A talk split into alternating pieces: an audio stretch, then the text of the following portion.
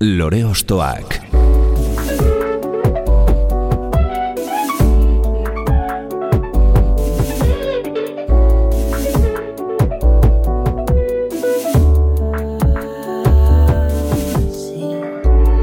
Ekain perezek aurkeztuta, gonbidatu bakoitza lore bat balitz bezala ostokatuko dugu.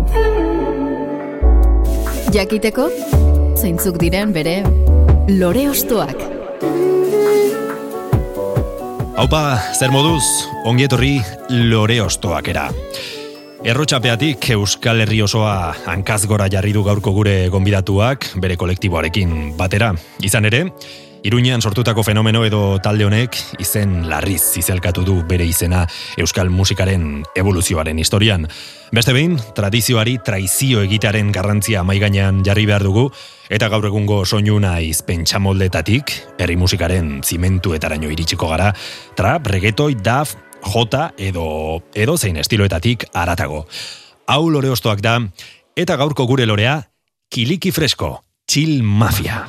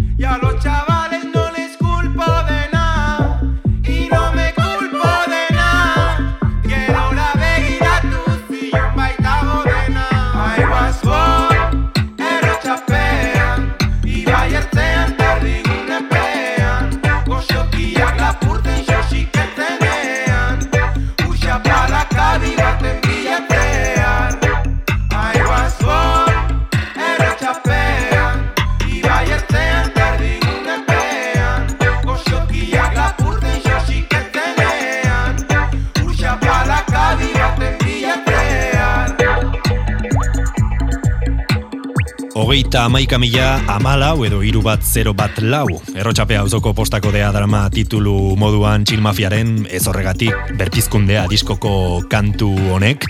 Da fedo reggaetonuetan Max Romeo naiz Augustus Pabloren kutsua, Iruñako kale realitatearekin uztartzen ditu kiliki freskok, eta gustu handiz, paso mango diogu, Josu Ternera eta El Chaporen aipamen artean, Beñat Rodrigori, kiliki fresko, ongietorri, lore ostakera. Mi esker, mi esker. Goxokiak lapurtzen xoxiketzenean, bien jaias del barrio siempre había pelea, diozu kantuan. Ondo definitzen du horrek e, zuk bizitako errealitatea, hau da, e, alde batetik euskera gaztelaniarekin hasteko naturaltasun hori, eta Ah, e, bestetik kalearen gordintasuna, ez? Ba, baritek, a ber, ez da enbeste gordintasunetik, da, mm, da nola bait egiteko auzoko, a ber, goxoki lapurtzarena da, gainera eske dago denda bat, dela goxoki, dena joten ginen txikitan, dago justo auzo erdian, eta ba hori, e, txikia zinenean barregarria zen zerbait lapurtze ez. Azken finean txikle bat zen baina, ua, lapurtu duzu. Ta- Emozio hori, ez? Hori da. Eta justo beste unean nengo izketa lagun batekin, zeren, de la barra de, zera, unos querían ser el chapo, otro yo soy tornera, ze elkatu nintzen elkartean, ninago elkarte kanabeko batean, e, auzoko lagun batekin, Garazian, jo, que, que jarta esa frase, si es que da literalki urte bat, non kriston bronka egon zen, e, norabait jurruen eta latinoen artean, edo jurruen eta eta latinkinen artean, en plan, ez dakizte azkin nola zen, ez, ni amaika urte nituen edo, baina zen, como, izan zen, como, irudi bat oso jartua, ez oso markatua, como, botillak al negan egiten, tal, sabes? Be, markatu zintuen, ez? Nola horrek edo, irudi horrek. Bai, geratu ditzaidan, sin Bai. Kontua da gero kantatzean, eh, jo que se, kartuen izela Euskal Herriko hainbat auzotako jendeakin, rollo, buah, esken nire auzoan berdin gertatu zen. sabes? Ba, nahiko orokorra izan zela, ez? Eh, bai, ni, nik uste baiet, osea, azken finean kantu honek ratu guztian nire lokalean hitz egiten du, baina eske nire lokaltasun hori ez da inez berdina, sabes, beste baten lokaltasun horretatik. Jada ez ara errotxapean bizi, ezta? Ba, orain baltatu naiz, errotxapeara. Itzuli zara. Bai, egon nintzen alde zarrean, baina amaitu da alokairuan, ze, sin más, e, kaseroa bueltatu da, Aha. eta mm, orain zerbait opatu arte amaren etxean nago, beraz, si eso erran dezatela zerbait, eh, un- que me manden un MD Instagram. Baina nago bilatzen, eske jodido zeok, eh? Oso, oso, oso jodido, eh? Auzora beraz, e, zure, bueno, Bai. mm, iruditegi horretara, ez? Ta kantuak sortzeko garaian errotxapeak e, pentsatzen dut asko markatu duela zure zure ibilbidea, ez? Edo zure mm, mundua ikusteko modua. Es que, sin más, eh, asko inspiratzen nau super gertu gertatzen dena, sabes? Eta gustatzen zait hortik egitea simboloak edo, sabes? En plan, hortik margotzea. Gainera, osea, orain auzan nago berriz, baina, osea, nengoen, egon naiz urte betez hori altzarrean, eta eske ni naiz, ni naiz zentroko tipo bat. Ni, osea, aldezarrak, aldezarrak dira leku batzuk ja ez dauden aginak biztan lentzat edo, gainera aldezarrako bazara, bale, baina kriston jaleo agarratu guztian ni auzokoa nahi, sabes, lasai nago, ogia erosi nahi dut zazpi pertsonekin elkartu gabe, jo que se. Jendea agurtzea, baina bizpa hiru goiko tabeko auzolagunak takitxo. Orain, eh, hasierako aparedo eferbistentzia hori lasaitu denean, perspektiba ikusita, zein esango zenuke izan dela txil mafiaren sekretua horrelako, mm, ez dakit, iraultza edo jendaren arreta zuen ganatzeko? Ba ez dakit egia esan. Ez que egiten ez dakidala. Ze... Ez... Badago zerbait, roion sinesgarria dela, ez? E, naturala dela, o, sinesgarria baino, botatzen duguna. Gero dago zerbait, e, hemen utxune bat zegoen, hortan, osea, gure generotan kriston utxunea zegoen Euskal Herrian. Osea, baziren taldeak hori egiten, baina nik uste maila oso basua zela. Eta hain zen basua non gure mixteipa oso oso gaizki nahazturik dagoena. Ze, gero ja baseak ongi egin ditugu zuzeneko talgo. Baina disko hori super gaizki sonatzen du. Interesgarria dira baseak, baina super gaizki sonatzen du. Eta hori horrek kriston arrakasta izan zuen, sabe? En plan, orduan horrekaren nahi du maia zegoela oso jodido. Bai, leku bat harrapatu zenuten edo nolabait e, generazio baten utxunea bete zenuten, ez? E, Mm, bai. Edo aurrera pauso hori eman zenuten Bai. bintzat, bai, jendaurrean. Eta hortaz aparte dago ja, ulertzen ez dudan dena, dela, eh, eske bat zegoen zeuden beste batzuk eh, olako mugiak egiten, ez? Okurritzen zait, jo que se, oso gutxi, eta era, era oso undergroundean, baina adibidez, los de Txiltxoko izan zuten hit baten bat, Bai, edo kanta baten oihartzuarrak. bat, bai, kanta baten bat ola pegaturik, ez? Et, Iba por ese rollo, baina ja dago, eh, ez dakit, azar eh, kontu bat, edo sorte kontu bat, han, nik uste artista oronen arrakastan dagoela hori, eh? Arra, eh, aleatorietate puntu bat, non zerbait gertatzen den, ematen dira justo zuk egiten duzu momentu horretan jendeak espero zuena, baina hori ezin da asmatu. Bai. Testu inguruaren garrantzia, ez? Justu harrapatu zenuten, ba, momentu egokia, ba, Bai. zuen eh, proposamen hori ba, sartzeko, eta bueno, hor nik uste garrantzitsua izan zela pandemiaren kontua, ez? E, pandemiari gabe e, Chill Mafia mm, Records existituko litzateke edo edo ez? A ber, ziurazki pandemiari gabe ez ginen aspertuta egonen e, olako zerbait egiteko. Nik uste. Ze eske zin genuen beste gauza askorik egin, e, plan honetariko bat zen nire logelan elkartzea, lopabos gara gerdokin, lopabos kanutokin, eta kanta bat egitea. Ze, hori, Osea, gu normalki kalean egoten ginen, naiz eta eguraldi txarra egon, baina pandemiaren mogidarekin tam, ez soilik toke deke data hori edakotan. E, eske gero, buah, poliziaren kontrola eta ziren super jarto, sabes? Oso horraz zen plaza batean lasei egotea eta kete paren edo, sabes? Orduan, pues, etxan juntatzen ginen, eta Gelatik mundura sorkuntza Hori ba, helarazten hasi zineten, ez? Nola Bai, bai, bai. Eh, eskazken finean pandemiak den hori, den hori gelditu gintuen, ez? Eta uste dut ere horregatik ez gelditurik egonda, ba, motivatu ginela, osea, jagonde musika egiten, baina serioago egiteko edo. Chill Mafiako kiliki freskorekin solasean ibiliko gara gaurkoan, errotxapean hasi dugu bidaia hau, eta Beñat Rodrigoren oroitzapenetan barena murgilduko gara jarraia. Lore Ostoak. Kiliki, zarekin hasiko gara zure disekzio musikal propioa egiten. Vale, ba, a ver, claro, nik zerrenda hau egin dut nire horitzapenen arabera. Mhm. Ta e, musikarekin zer ikusi duten nire lehenengo horitzapenetariko bat, da e, etortzen zait burura nire amatxi e, oean kantatzen. Asko egiten genuen, nire itatxita amatxirekin e, oera joan aurretik kantatzea. Bueno, edo oean bertan kantatzea. Amak ez zuen beste kantatzen ze ama ez da sekula oso fina izan. Ez da bat ere fina, de hecho, beste gauza batzu ditu. Baina kantatzea ez da bere agilezia bat.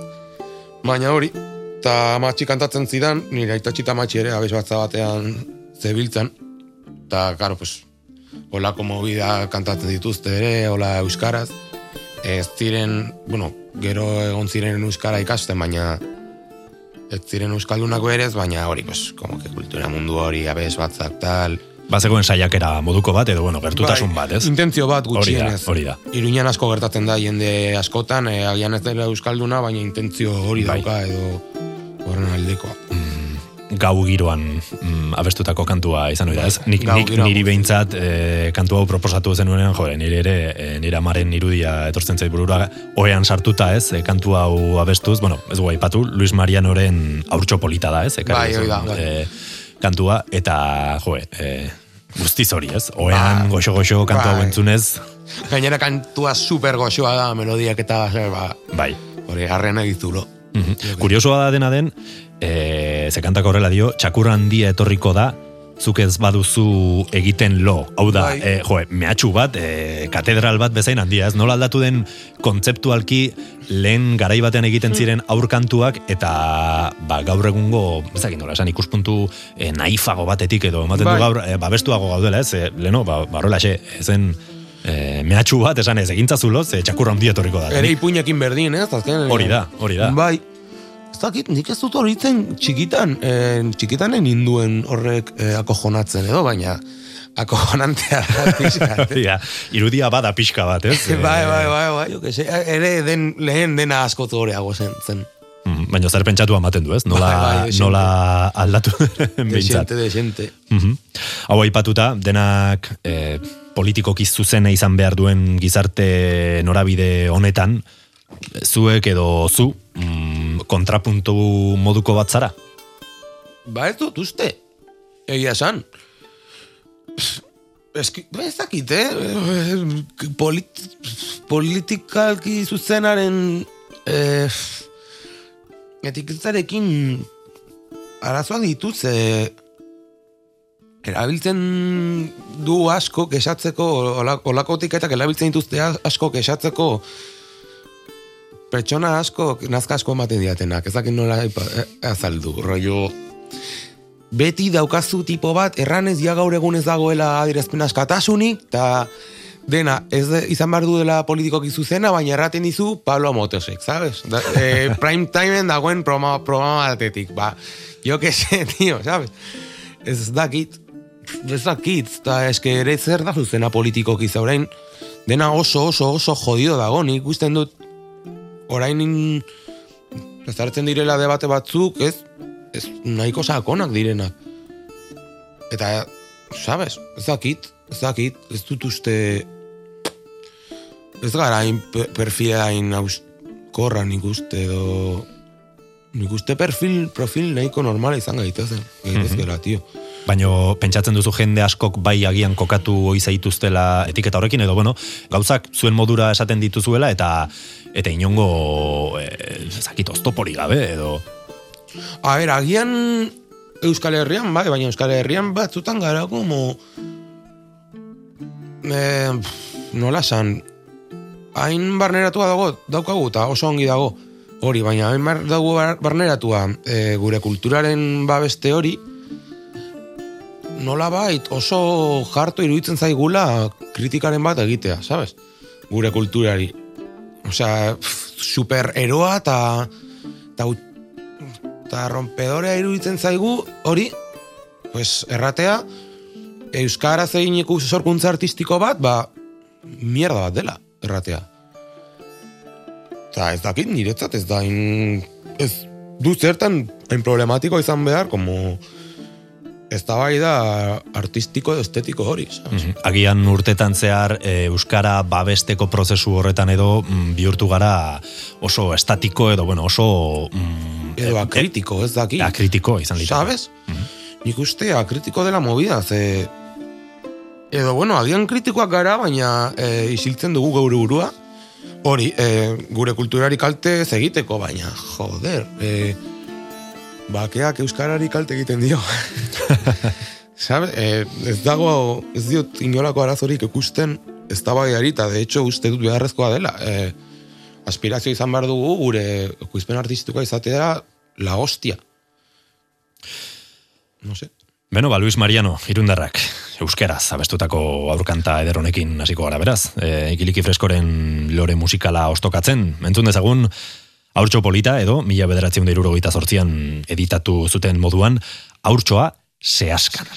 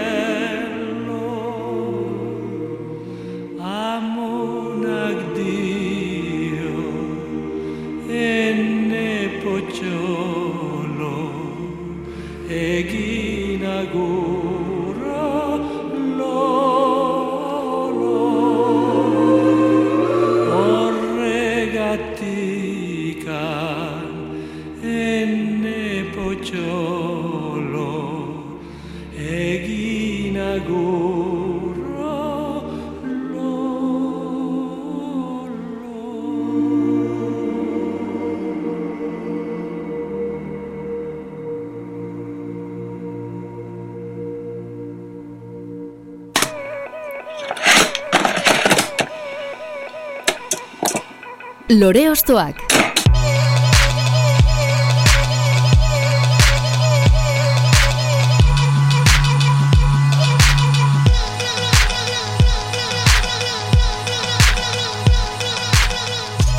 Irurogoieko amarkadan txuribeltzean entzuten den Euskal Abesti horietakoa ekarri digu bainat Rodrigok Luis Marianoren aurtxo politarekin. Askori haurtzarora garamatzan doinua alde batera utzi, eta zegirotan murgilduko gara orain. Ba, orain Iruña sakonean murgilduko gara, ze Tijuanen blurekin nator, dela talde bat, niri nik pila, pila, pila bat entzun duana, e, Iruñako pertsona askok bezala, ze, karo, nire gurasoaren, nire gurasoen generaziokoak ziren, de hecho lagunak ziren tal, e, ulertua daukat, Tijuanako eskrotok kabezon ditzen ninduela, Ah, bai. Bai, bai, bai. Eta hori, eh, eskoto iruditzen zait figura bat super garantizua joder gure gure iruñako boloan egon zen eh, Jimmy de, de Tijuana. Eta ni, ni motivatu ninduen pila bat, tio. Ze uste dut eh, daukatela daukatela zerbait eh, gu- guk ere daukaguna eta nik uste eh, zer hortan zer ikusi asko daukala iruñak eh, barrikadak enduta dela como talde bat como más exportado a España. Iruña gertatzen diren movidak dira nola oso arraroak. Edo Ekosistema horretako propioak, ez? Edo, bai, eh, edo movida oso autonomoak eh, nola baita esan eh, Tijuana Blue ez da punk talde aluso bat. Sabes, ez da eskorbuto bat inolaz ere Eta gu zentu hortan ez gara trapero aluso batzuk. Ze, egiten dugu, egun batean esatzen garen, esatzen bagara, kumbia bat egiteko gogoekin egiten dugu kumbia bat, sabes?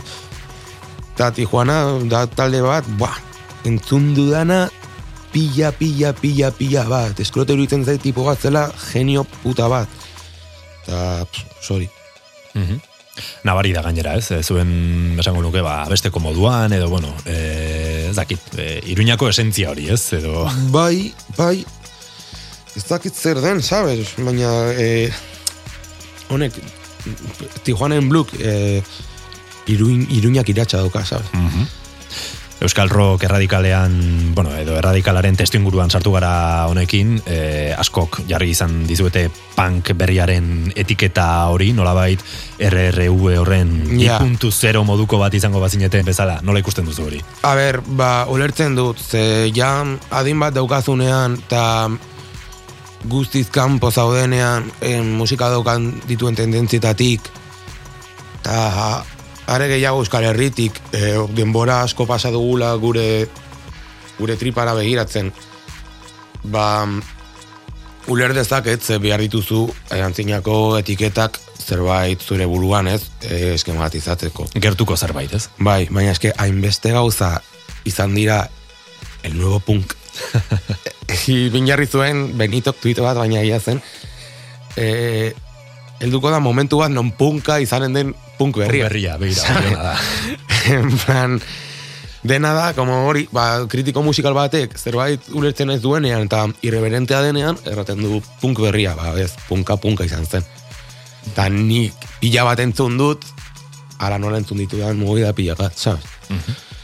Ez que, ez dakit. Asko da gorratzean, bai, eh, etiketa batean sartzeko, ez? Bai, bai, bai, eta eske punk berria, eske ezin diogu punk deitu edo zein gauze irreverenteri, ze ja etiketak ez zentzurik. Punk izan zen mugimendu konkretu bat, beste movida asko inspiratu dituena, eta beste movida askotan influentzia oso oso sakona duena, eta hori bai egia dela. Baina punk berria ez da egonen, punka, punka izan zen. Zakitxo. Hala nola ezen agertuko eh, rap berria edo folk berria, edo jo que se. Mhm. Eta nora zara matza beste honek, non kokatzen duzu zure burua funky experimental e, izeneko kantu hau lehen aldi zentzuten? E, nire itaren kotxean, e, hau kantatzen, karo, e, nire kotxean entzuten ziren nire izka eta nire gurasoen. Akordu nire izkak ziren piritxa eta porrotx, eta takolo. Eta, e, pues, nire gurasoenak, e, los de Tijuana. Eta, claro, pues, oso txikitatik, kanta oso nahiko makarrak abesten nituen. Jo que se cicatrizen pila bat, tabar, claro, eh, pues, erraten zenuen estupa eta ez dakizu zertzen, sabes? Beste gauza batzuk imaginatzen zenituen. Bai, peritxe eta porrotxen imaginari horretatik, ez? E, Bai. Gero zikatritzen kantuak eta Gainera justo nasketa kanta hau, ederra. ga- justo kanta hau dauka hori como estribillo hori dantza zure botillarekin, aur bat ere oso gracioso dena, sabes? Bai, bai. Dago oso, pues, urtara, eramaten nau pizkat. Lauro gehieko amarkada herrialdean, Iruñean sortutako Tijuana in Blue taldeak eh, potato gazteiztarrekin elkarlanean, mila bederatziun da lauro seian aurkeztutako diskoan murgilduko gara beraz, bertatik entzuteko funky experimental abestia. ¡Yepa!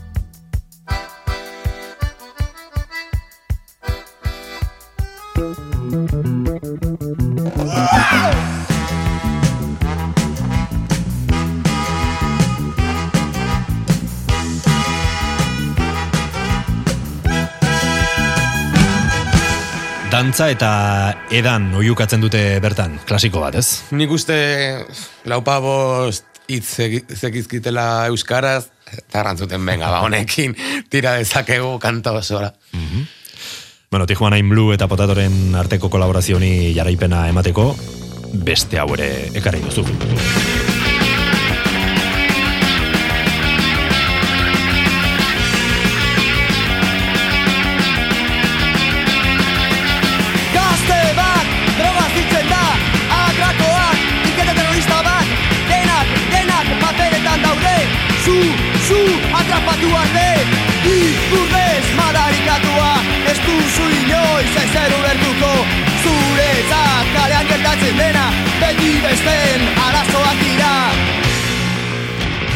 Gazte bat droga ziltzen da, atrakoak, hilketa terrorista bat. Kalean gertatzen zenaren errealitatea musikatu zuen kortatuk, punk ereserki bilakatu den zu atrapatu arte honekin.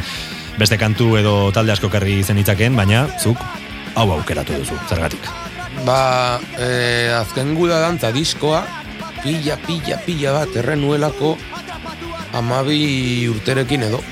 Baina pila, pila, pila bat, sartu nuen, amabi amair urterekin rollo eh, lehen ezkuntzako zigarren mailan, ez dakizte egin daukazun eh, kurtso hor- horretan. Baina, amabi edo, Bai, zerbait. bai, izango da.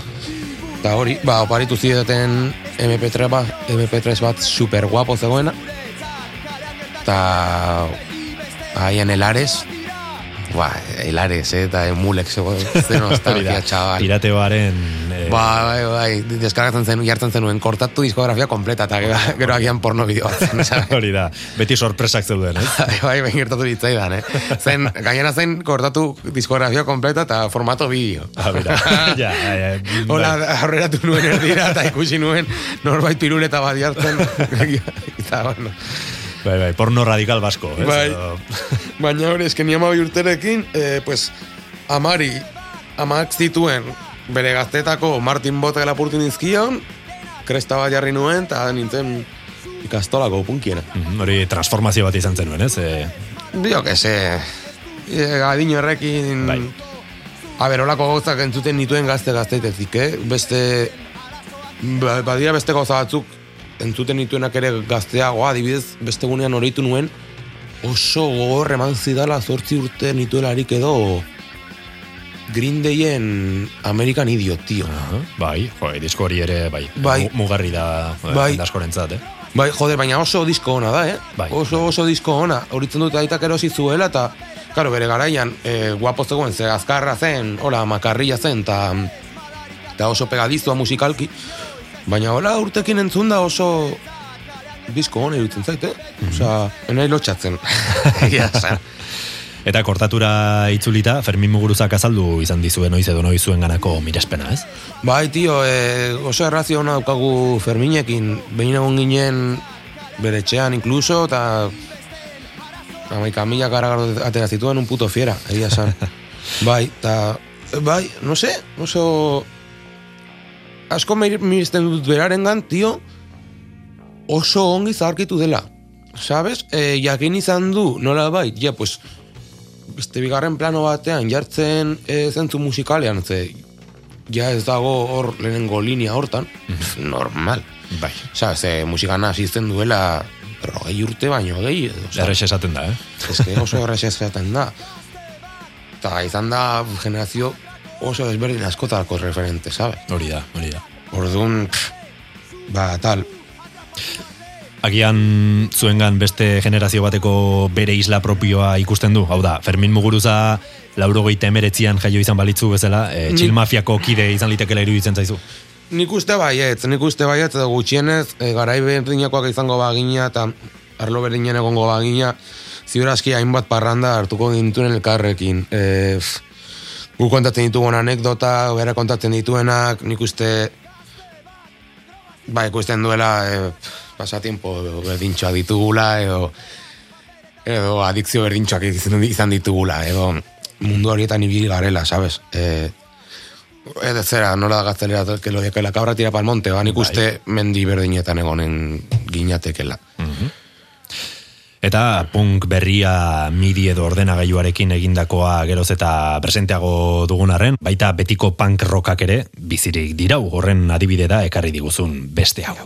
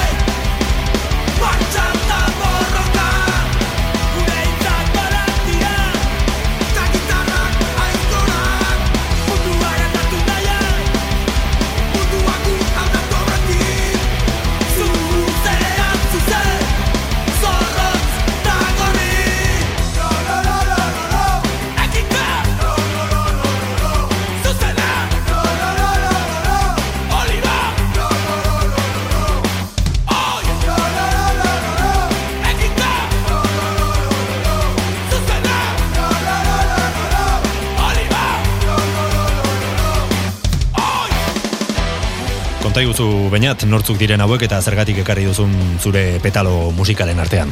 Ba, hauek dira, oliba gorriak, em, dela talde bat, e, amasei urte edo nituenean, kriston, bueno, osea, nik uste Euskal Herri mailan ez dakit buma erranen nuken, baina asko, osea, ez dakit, oso impacto jarta izan zutela, ze ez dakit zehazki nola izan zen agian hankasartzen ari naiz, baina nik ama sei ama urte nituelarik e, ez dakit gitarrista eta kantante edo edo taldeko bat e, gartzelatik atera zen edo eta karo taldea bultatu zen Osea, nik uste bat, bat ematara bat ustutela en uno de estos juicio farsa que se hacía segi edo, sabes? Bai.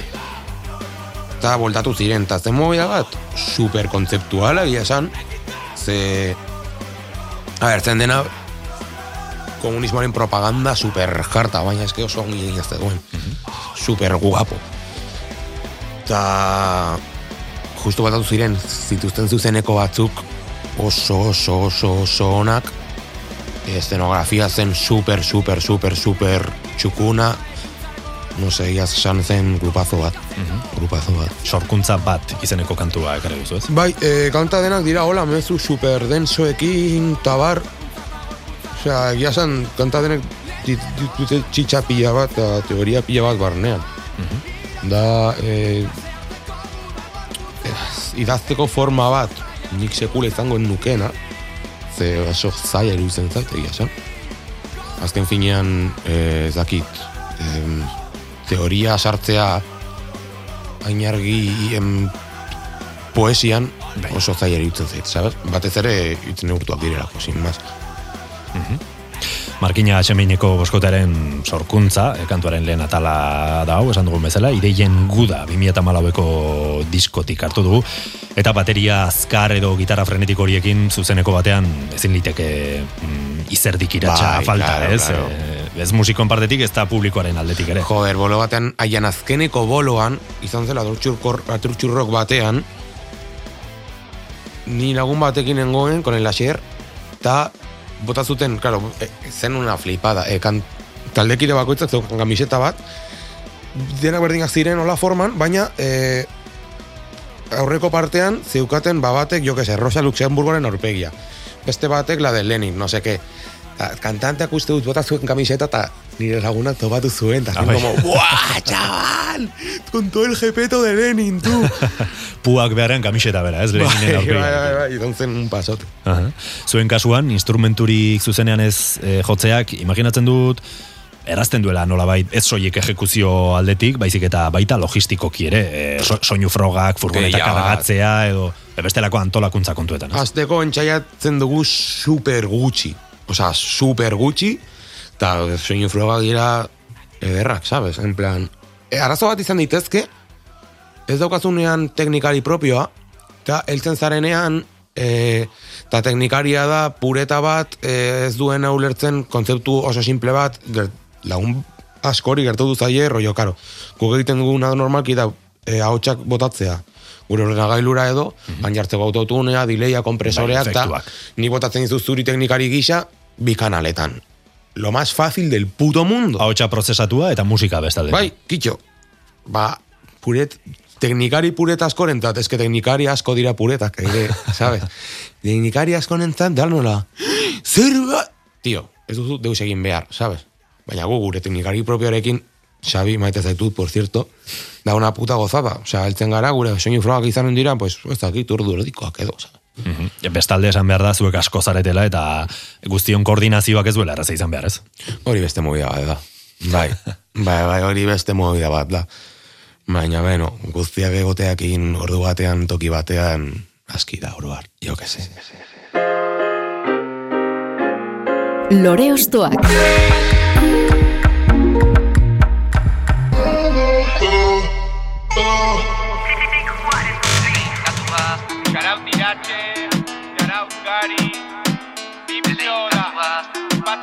Gacha, da, da, da, da, dariola. Cerdeño andira, mavos milla, onela psiconai, cora la mila, putikan gorrai, cora baraka, behera neguri, laboa eta tego, bedenka penakuri. Ikimil, ikimitz gigiri, firri, firri, bukauzo handa Jose Agu, bizi, bizi, ikimil, ikimitz gigiri, firri, firri, bukauzo handa Jose Agu, akurainen biuxapala rapatu, ta tigere prezioan saldu.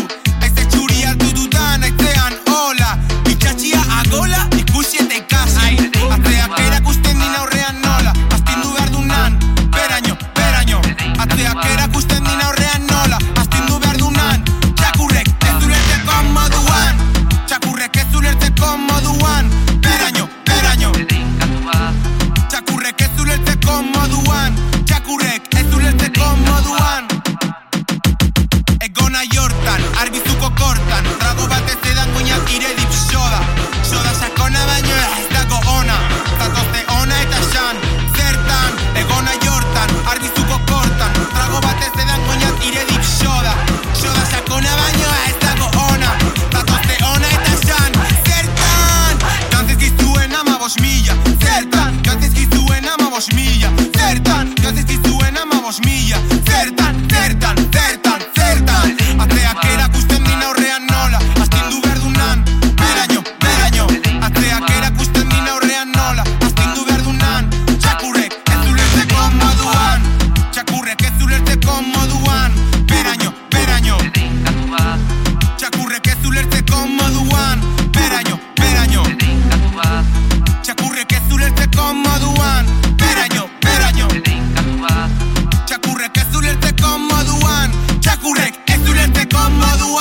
Txilmafia musikatik aratago doan fenomenoa da inongo zalantzari gabe, edo bueno, hori iruditzen zait niri, sare sozialetan iritzi ematearekin eta zergatik ez esan, polemika sortzarekin begi asko bere ganatu dituztelako. Berinkatua izeneko kantu honek elikatu zuen besteak beste ba, polemika edo bif hori, e, kainakai abeslaria erdigunean jarrita, baita beste hainbat artista ere begirada zorrotzez mm, nolabait epaitzen edo e, gustura geratu zinen hemen, ez, kantorekin, kiliki, edo ze. Ba, bai, gustura geratu ginen, ze gainera kantau da pixkat e, konspirazio bat, ni eta lagun baten artean Venga, el laguna es Celestino, cabrón. bai, bai, ez, da- ez, ez zala eskua gorde. Arria Hori, botata. hori, hori. Sin más, eh, es que como oso argi geneukan, bera eta biok nola bait, eh, etxaia artistiko hitz egiten, rollo gure antitesia, zirela hauek, ez? Eh, kainakai, eh, zetak, eh, movida hori zela gure, izan bar zuela nahi nahi duren gure antitesia, sab? Eta eske guk hau bat, oza, guaterak ginenean, hau zen, edo saltzen zen, e, Euskaraz egiten zen movida moderno bakar bezala, sabes? Orduan zen, como, joder, tu.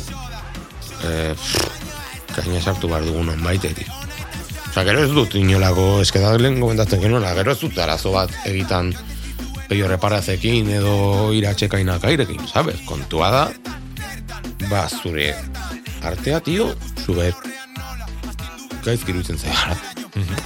Ya está. Bai, eta askotan jakiteko e, zertzaren jakin behar duzu lehenago zer ez zaren, ez? Guztiz, guztiz. Eh, maita, maitasun eta gorroto dikotomia hori, sabes? En plan... Guztiz, nik argi nukan hau ez ginela. Ere, nik, nik uste zerbait eskartu, eskertu behar digula, dela aiei esker, guk errexago geneukala arrakazte izateko.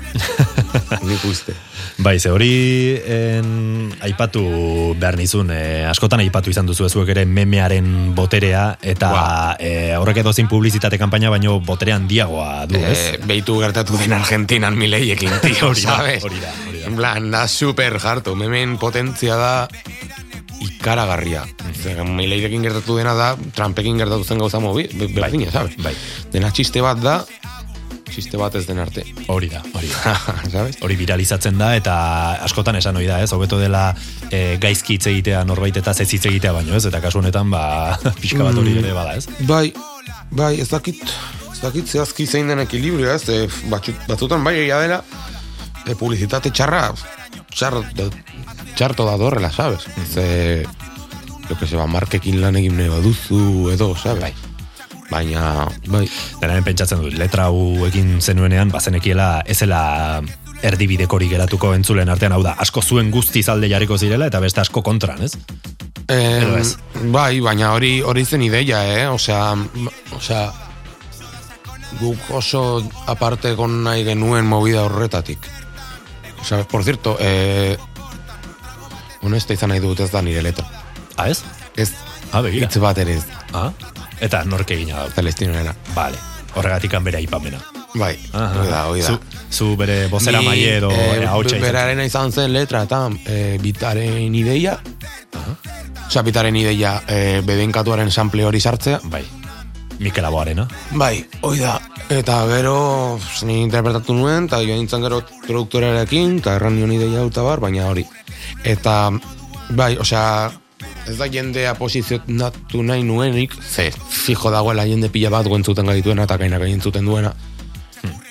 Fijo eta berdin zait, eh? Osea, baina, kontua da, hori, eh, eta ez da kainakai, eh? kontua ez, zetak, no seke, dupla hori, nahi genuela, movida hortatik aparte egon, sabes, ze oso erraxa izan litekeen ere, izan zitekeen ere, gu hortan sartzea, ez, como euskal movida urbano berria. Eta ez, ez, baina ez pertsona horiek horretu ditu dalako, uste du dalako musikalki oso mugaturik dagoela movida hori. Sabes? Oso oso muga- mugaturik dagoela, orduan, ez dut hortan sartu nahi. Hau esan nahi nuen pixka bat aipatutako ba, politikoki zuzenaren eh, kontrapuntu izatearen eh, kontu horrekin, eh, ze, bueno, ados egon edo ez esaten duzunarekin, ausardia puntu bat badauka horrelako abesti bat egiteak, badakizunean zer esan emango duela onerako eta txarerako, horrek eh, nolabait esponitzen zaitu ez, eh, jendarruan. Bai, baina ez dakit, politikal, politikalki okerra da erratea Felipe VI akatuka nukela. Edo, sabes, baina erratea noren, ez dakit norren kanta mierda bat dela, ez dut uste. Ez ere ez geunden hemen oitut, oiturat, oituta bifetara, tio. Agian herri txikia garelako, mm, Herri txikia garelako, e, euskal kultura babestearen movida horre, Bai, aipatu dugu, horregatik, ez? eta e, rap kultura faltagatik.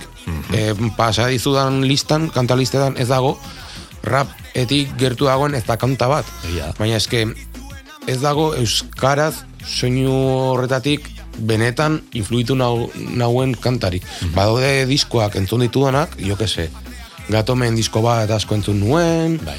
biziore lehena, lehena uste dut, edo entzun nuen desente, tal, baina ez dago benetan movida urbanorik markatu nahuena, sabes? Orduan, baina, karo, eske bifaren movida da raparen kulturaren parte. Eh, ez daukat honen frogarik, baina ziur nago zetanganaren taiun bifen biforretan, oso famatu izan zena, ez, con lo de zetangan ateratzen kamiseta batzu con la cara de un bif eta altxe, ni konbentzitu nago lagunak zire, osea, haien zabile. artean adoste dudela, fijo, ze biek kristo negozio egin zuten. bai.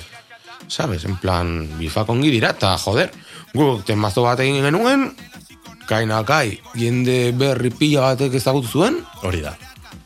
Bai, hori beti egon da, eh? Nik zarak, Bai. nu metalean bai oroitzen dute Slipknot Claro. eta Limp Bizkiten arteko Hori da, hori da. lehiak, eta, eta bueno, eh, bifa, agian ez eh, beste ikuspuntu batetik, baino eh, bertsolaritzan ere, eh, badago bifaren Bai. mm, izaera hori, ez? Hau da, Bai. eh, zerbait eh, bere kontra esan nolabait edo leia moduko hori sortzea, eta Bai, baina no baina aldi berean, hortik aratago, mm, Bai, baina e, bertsolarita espontaneoago denez edo ulertzen denez, badirudi be, ongi dagoela, baina sorkuntza artistikoak badirudi izan behar direla ia militantzia akto bat.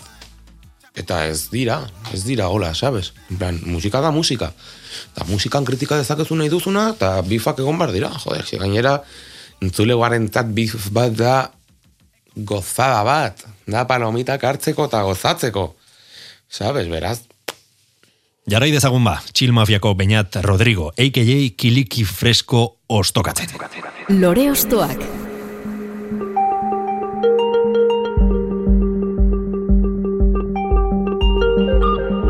Eta horretarako urte batzuk atzera egingo dugu berriz, baina oraingoan mm, punketik urrun, ez? E, Zerekin goaz orain?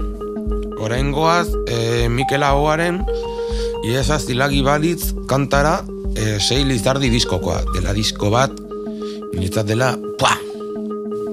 Del kopon. Eta, bueno, Mikel Ahoaren diskoia denak dira oso oso onak, eh? baina justo hau, ba ez dakit zergatik, e, asko entzun nuen, mm, itunean ama bosta amasei urten ikuste, Claro, garai, horretan,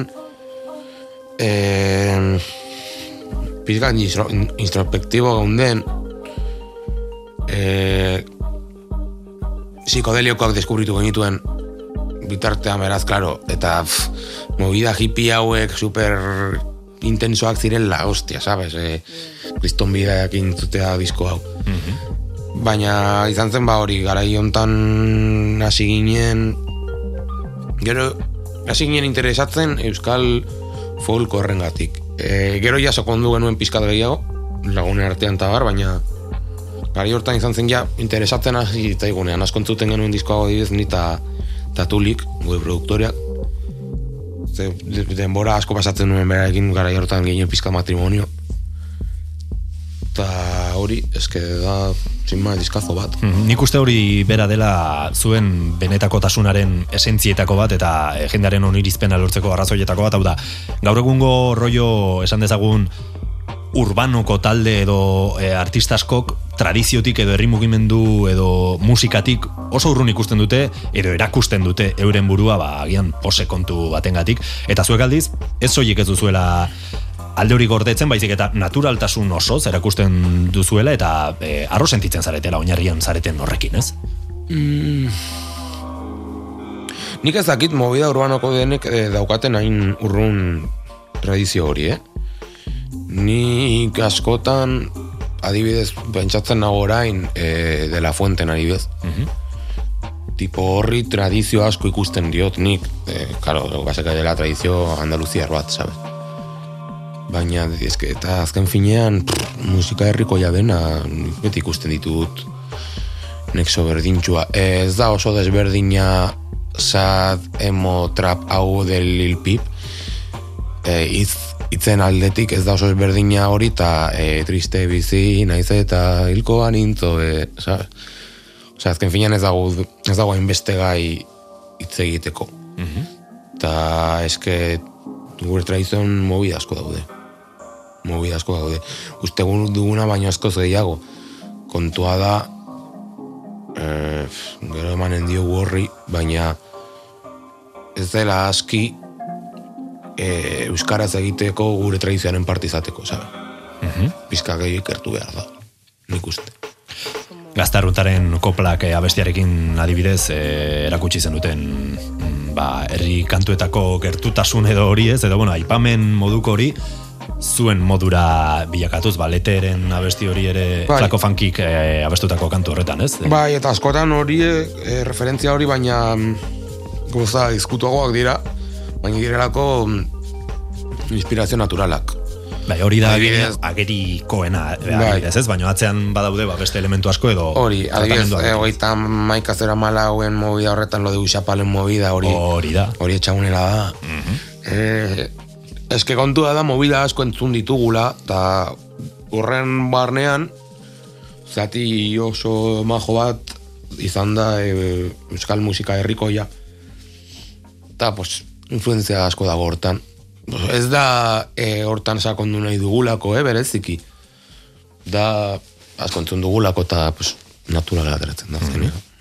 Eta musika herrikoietik edaten beraz, Mikel Aboa erraldoiaren ahotsa beste behin entzutera goa, zau baita, iesa zilegi balitz.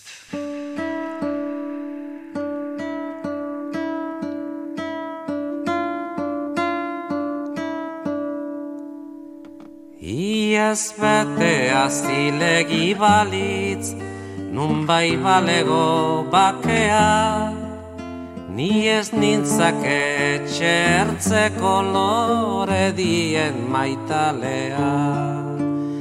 Ni ez nintzake oinazearen menpeko miserablea, Oiuzekenen destinatzaile txipenaren semea.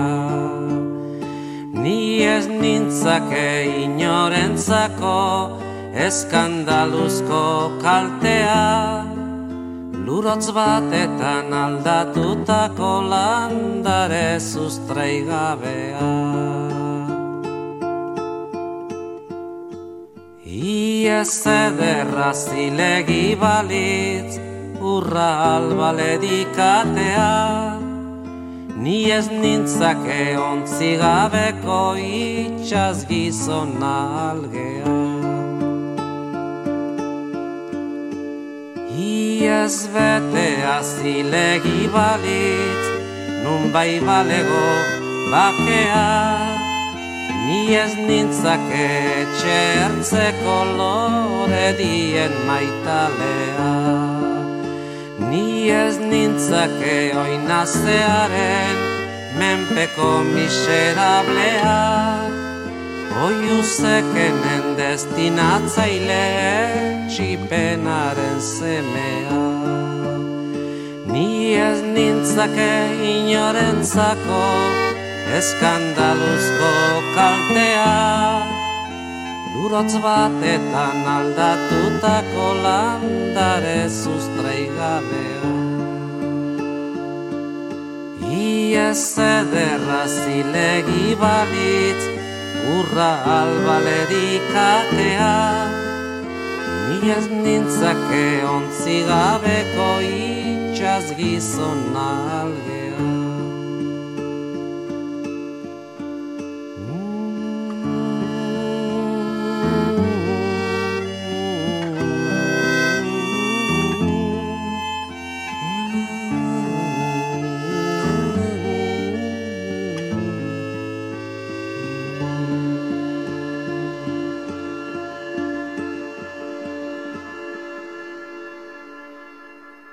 Kiliki freskoren eskutik Mikel Aboaren doinuetan barrena ibili gara azken minutuetan eta zuek gaur egungo Nafarroako estenaren zergaitik ez, e, gaiurrean zaudetela esan dezakegunarren, bada talde bat azken hamarkadetan Nafarroako euskal musikaren eta rokaren bandera mundu mailan astindu duena.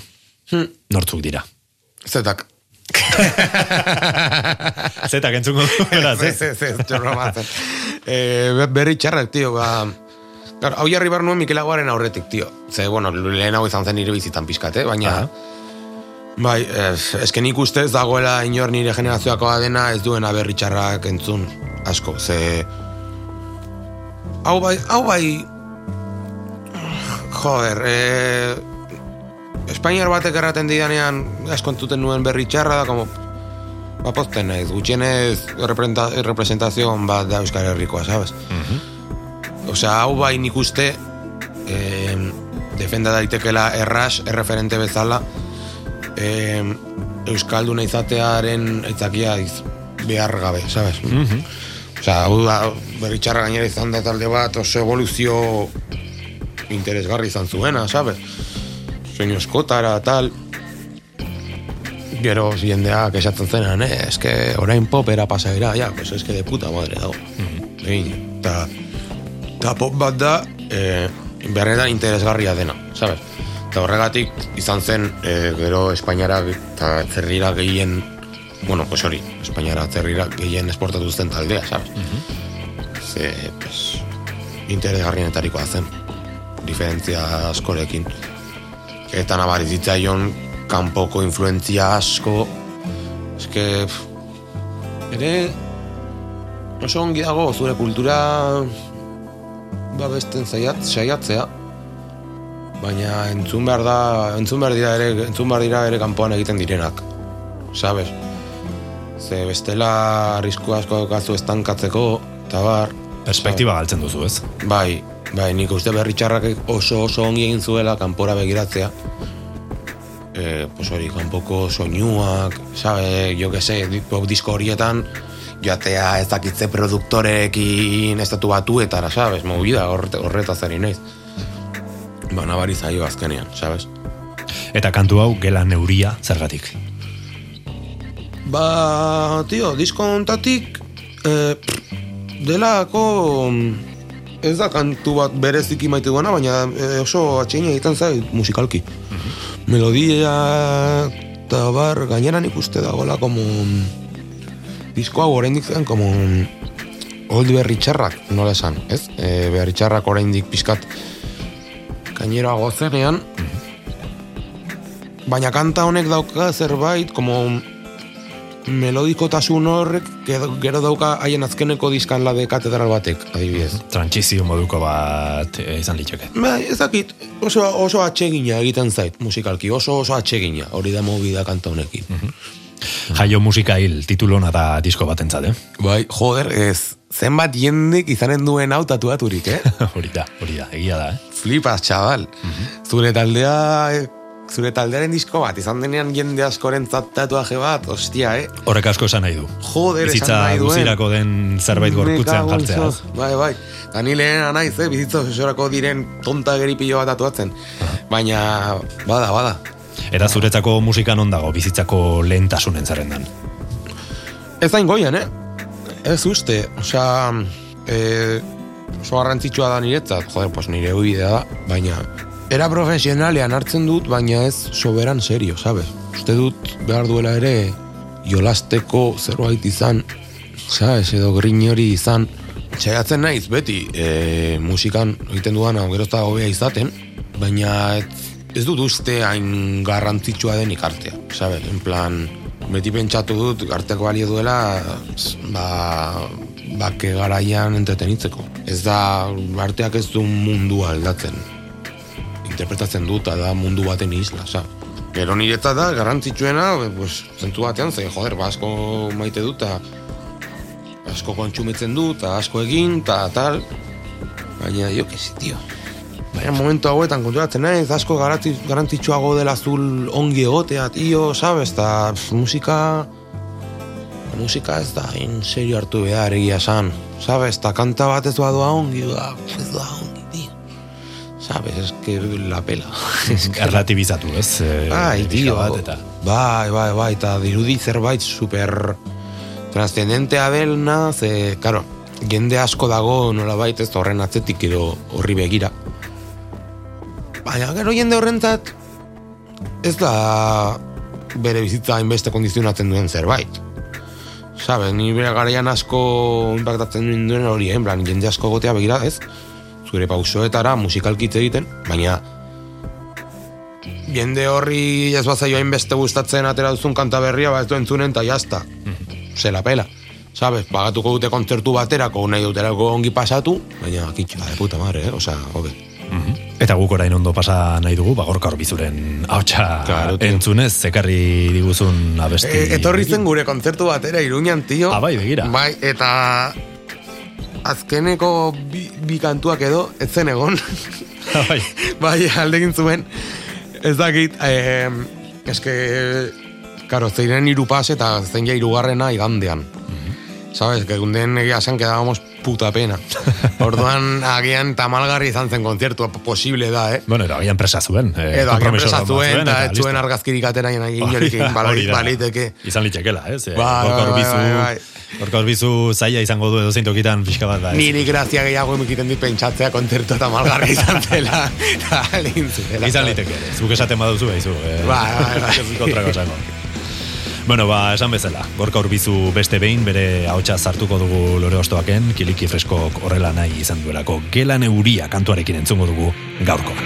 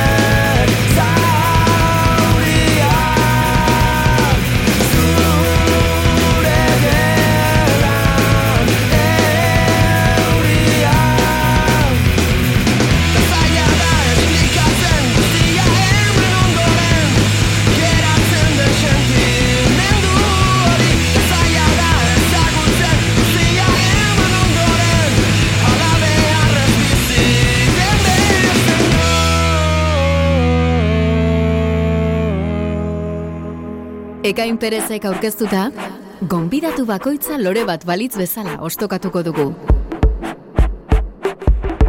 Bagoaz aurrera, kiliki fresko ostoz-osto biluzten, berritxaraken doinuekin afar eta euskal identitate garaikidearen ikur esanguratsu bat azpimarratu duzu. Eta beste ikur bat goraipatuko duzu orain, ez? Oskorri. Hain zuzen ere. Ze kanturekin. Kristo ni eta gizonak. Eh, ez dakit zehazki zeratik aurretu duan kanta hau, ez? E, da, oskorri den, mo, oza, oskorri rentzat, neko minimalista da kanta. Oza, en normalkin oskorrik oso arreglo potenteak ditu musikalki, eta kanta hau ez oso simplea da, hotx batzuk, gitarra bat, eta eta hotx bat. Oro har disko, karo, disko hau lehen, lehenengo tarikoa da, eta oraindik em, simpleagoa dena, baina nik uste disko hontan dagoela oso asko oskorri zer denaren definizioa. Ez bua, pandemia pizka, pandemia pizka da horretik, izan nuen oskorrirekiko obsesio bat, jambo, baina obsesioa, eh? En plan, ja egiten, eh, pff, egiten investigación de campo jakiteko ze partidukoak ziren. bai, bai, ze, ba, banekien izan, zutela eh, etaren bomba bat eh, jarria, por españolistas, ninen todo raio, dan, ba, ba, Bai, hauek ziren orduan LKI, OMC, saben? Zer gertatu zen hemen, ez? Edo. Bai, bai, bai, bai, bai, eta eske nik uste hontan, karo, hontan dago oso argizko hontan, oskorri zer den berez, ze kanta denak dira arestiren eh, hitzak, eta karo, eske oskorri ziren em, movida hori ja gehiago, movida bat gehiago komunista dago, horregatik arestirekiko Gertutasun obsesioa, bai, eta claro, horregatik egitearena ez diote berez Euskal Herriari kantak egiten, Euskal langileriari akaso, sab? Mhm, Beste perspektiba bat, bai. Bai, nik uste desberdina dela. Ta oso movida magoista iruditzen zait eh, oskorriren musika, en verdad, sabes? Eh, movida hori harta herri musika, baina em, vanguardia sartu barnean, sabes? Folk, herri musika egiten oraindik, folka egiten oraindik, baina eh, jasaren lenguaia sartzea hontan, sabes? Iruditzen zait talde bat super, super, super sa- sakona, tio. Bai, eta hori esaten duzula gainera orain, gazte askori e, oskorri entzutean, edo, bueno, edo tapia, edo horrelakoak entzutean, iruditzen zaie, ba, e, ba, kantu tradizionala, ez? E, sustraietako kantua, baino, karo, horratzean, ze evoluzio zegoen, ze e, iraultza, ze aldaketa, ze lanketa, ez? Ze fusio. Ba, justo oskorri eta tapiak ez dute inolako zerikusirik kantu tradizional bat. Hori da, hori da. Inolako zerikusirik eh, daukate, eh, erritmo horian, erreferentzia, baina ja justo bi adibide de peña bat, ba, Apurketa hori edo, ez? ai, Simbolizatzen dutena. Osea, hartzea, pues, hori, eh, hemengo erritmoak edo doinuak, baina egiteko beste movida batzuk, eta sartzeko beste lenguai batzuk, sabes? Eta zea hotxa, ez? Zenatxo de Feliperena, izugarria da finatzeko gaitasuna, eta Bai, bai, bai. noten arteko trantsizioak zexua egiten ditu, edo, ez? Eta metala, buah, nik ez dut sekula hola kantatuko. Baina izan zait, buah, talde bat, kriston pena baten dit ez duara sekule ikusi zuzenean, tio. Ze, da talde bat, que te lo juro, entzun dudana, baina en plan, super obsesibo, eh?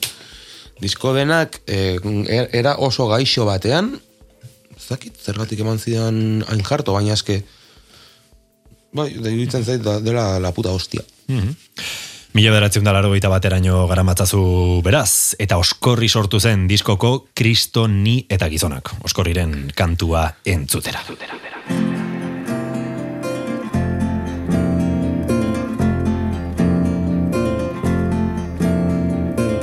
Kristok esan zidan baldin Zaflada bat ematen bazidaten masela Batean. Bestea eskaintzeko bainanik Kristo baino askoz astontoagoa izan behar dut. Edo gaurko gizonek Ordukoek baino askozaz listoagoak Ez baitidate denborarik ematen Eta zaflada guztiak. Hartzen ditut belarrondo batean Eta zaflada guztiak Hartzen ditut belarrondo batean Eta zaflada guztiak. Hartzen ditut belarrondo batean Eta zaflada guztiak. Hartzen ditut belarrondo batean Eta zaflada guztiak. Hartzen ditut belarrondo batean Eta zaflada guztiak Hartzen ditut belarrondo batean Eta zaflada guztiak Hartzen ditut belarrondo batean Eta Eta Nacho de Feliperen ahots zoragarria entzun ostean, Nafarroako ereserkietako batekin eskainiko diguzu zure azken lore ostoa, ezta? Nik uste eserkiarekin. Aha. Zakitxo. en plan... Ez gabe. Bai, bai, bai. Gainera, claro, ez duk erran zenidan, e, jarta zortzi euskal kanta. Bai. Eta ni horrekin, eske, pizka konfliktoa daukatze, karo, zer da euskal musika? Euskaraz dena, ze, zer da musika espainola, gazteleraz dena, sabes? En plan, batzutan, como que, azten zaigu nitxo bat dela, eta euskal musika dela, etiketa komertzial bat, azken finean, nik uste ez dakit, eh? Agian okerturik nago eta oso garrantzitsua da e, euskalraren transmisiorako eta bar, baina nik uste hainbat argitaletxeri oso ongi datorkiela euskal musikaren etik, etiketa hori. Sabes, eta eske bat daude euskaraz diren ekoizpenak, ez direnak euskal musika.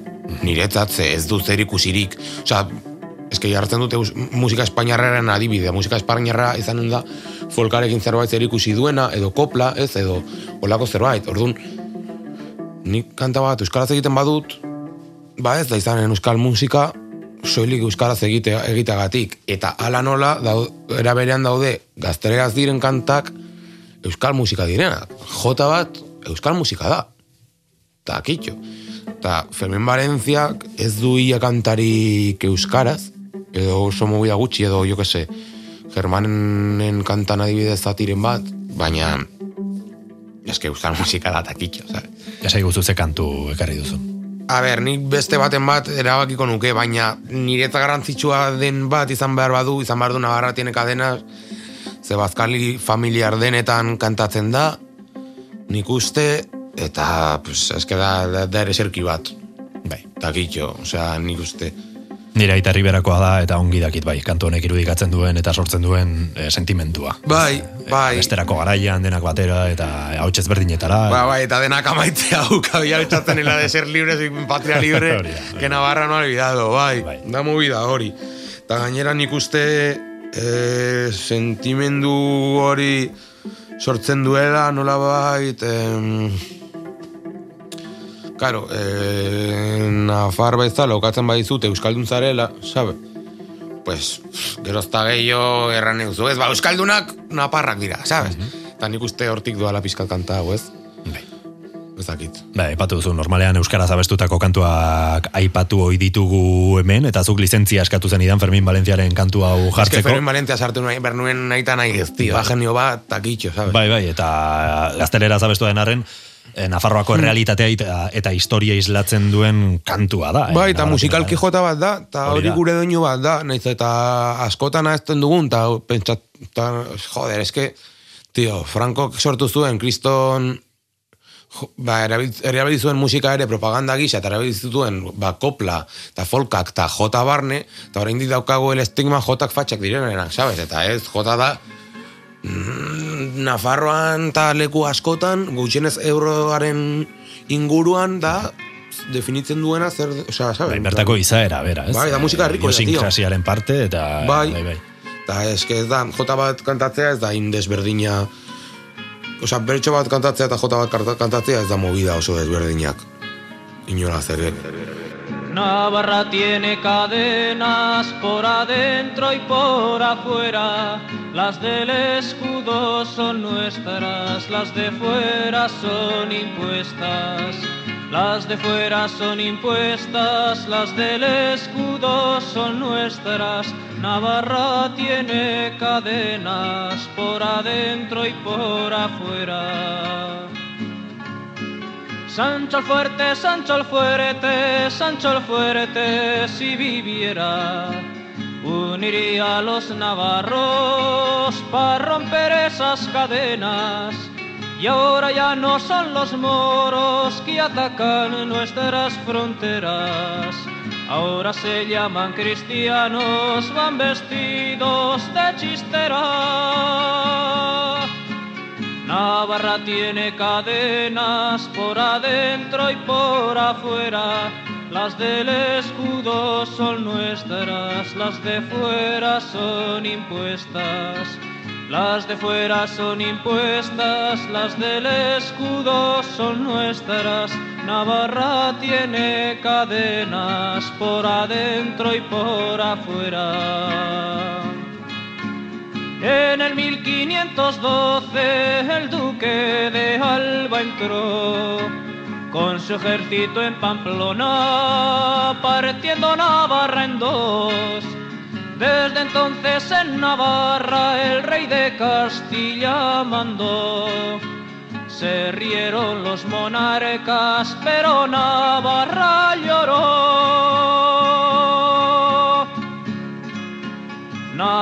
tiene cadenas por adentro y por afuera. Las del escudo son nuestras, las de fuera son impuestas. Las de fuera son impuestas, las del escudo son nuestras. Navarra tiene cadenas por adentro y por afuera.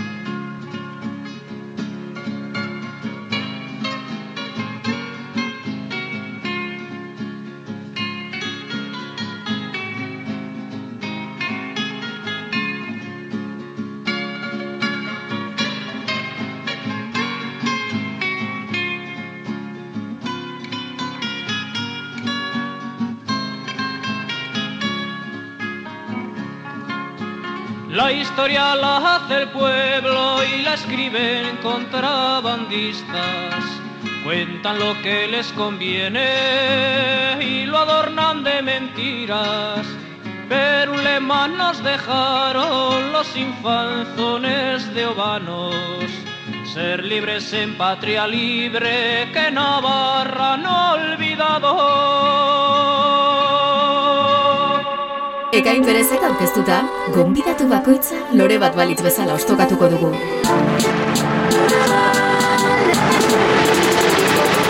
Lore ostoak. Bitxulari, bitxulari, beti erne beti adi. Bitxulari, bitxulari, otxo artean ardi. Bitxulari, bitxulari, aprende a terminar la pari. Bitxulari, bitxulari, etxera joan adi. Me pone que los vecinos oigan cómo lo hacemos. Si no es pa' menos, siempre que no ponemos Sale un tema nuevo. Y si no de mañaneo Pa' que baje el puestón, lo sacamos del polchico Doraemon, zakuto magikoa Nire gorputza bakari doa Egun sentia eta ezin hartu loa. Mm, Hau eme gozoa, eusko laberadia Gutastatu gure droga. Yo soy la manzana, yo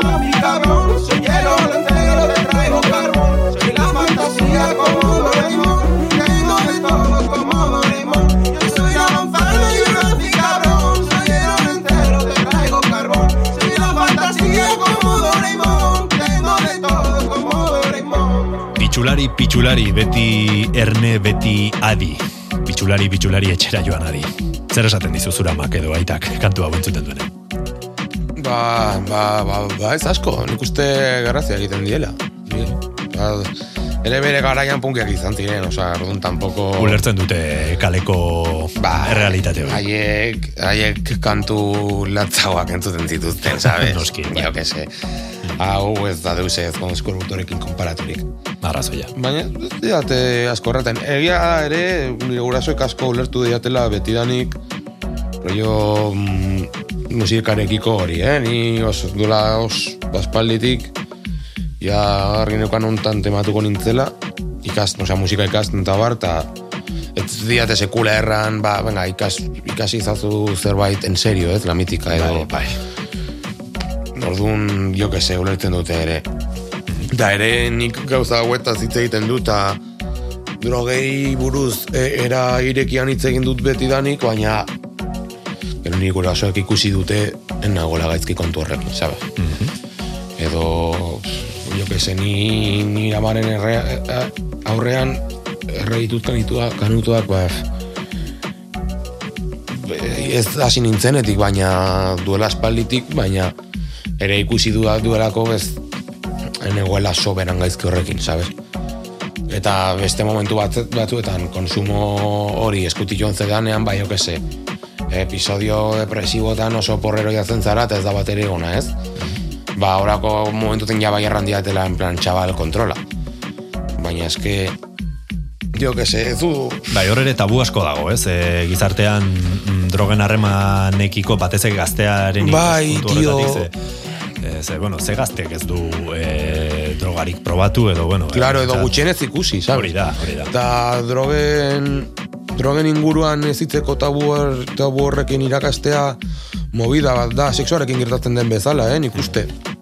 Eskazten finean, gainera, bai droga bai sexua dira, e, bi gauza, em, daudela, estamento sozial guztitan, en plan, eske ez dago sektore sozialik hortatik kanpo dagoena, sabes? Orduan, ezagutuko duzu, nahi eta nahi ez mundu hori. Ikusiko duzu, nahi eta nahi ez, sabes?